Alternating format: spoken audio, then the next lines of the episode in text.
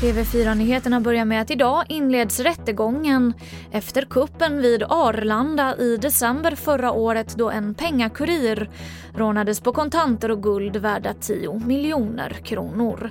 Sex personer står åtalade för grova brott. Åklagare Henrik Stjernblad säger så här. När det gäller grovt rån som är huvudbrottet de misstänkta för så är straffminimum fängelse fem år. Eh, när det gäller vad jag kommer yrka slutligen, eh, det avgör huvudförhandlingen och när jag kommer så långt så kommer jag bestämma mig för vad jag ska yrka för straff. Och så till USA där amerikanska medborgare kommer att få motsvarande 10 500 kronor var i coronastöd. Detta om republikanerna får som de vill. Förhandlingar pågår i den amerikanska kongressen om ett nytt stort stödpaket på motsvarande 8 700 miljarder kronor.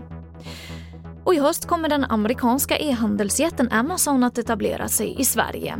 Detta enligt uppgifter till analysföretaget HUI Research. För kunderna innebär det pressade priser men för företag inom detaljhandeln kan etableringen innebära konkurs. Och det var det senaste från TV4 Nyheterna. Jag heter Emily Olsson.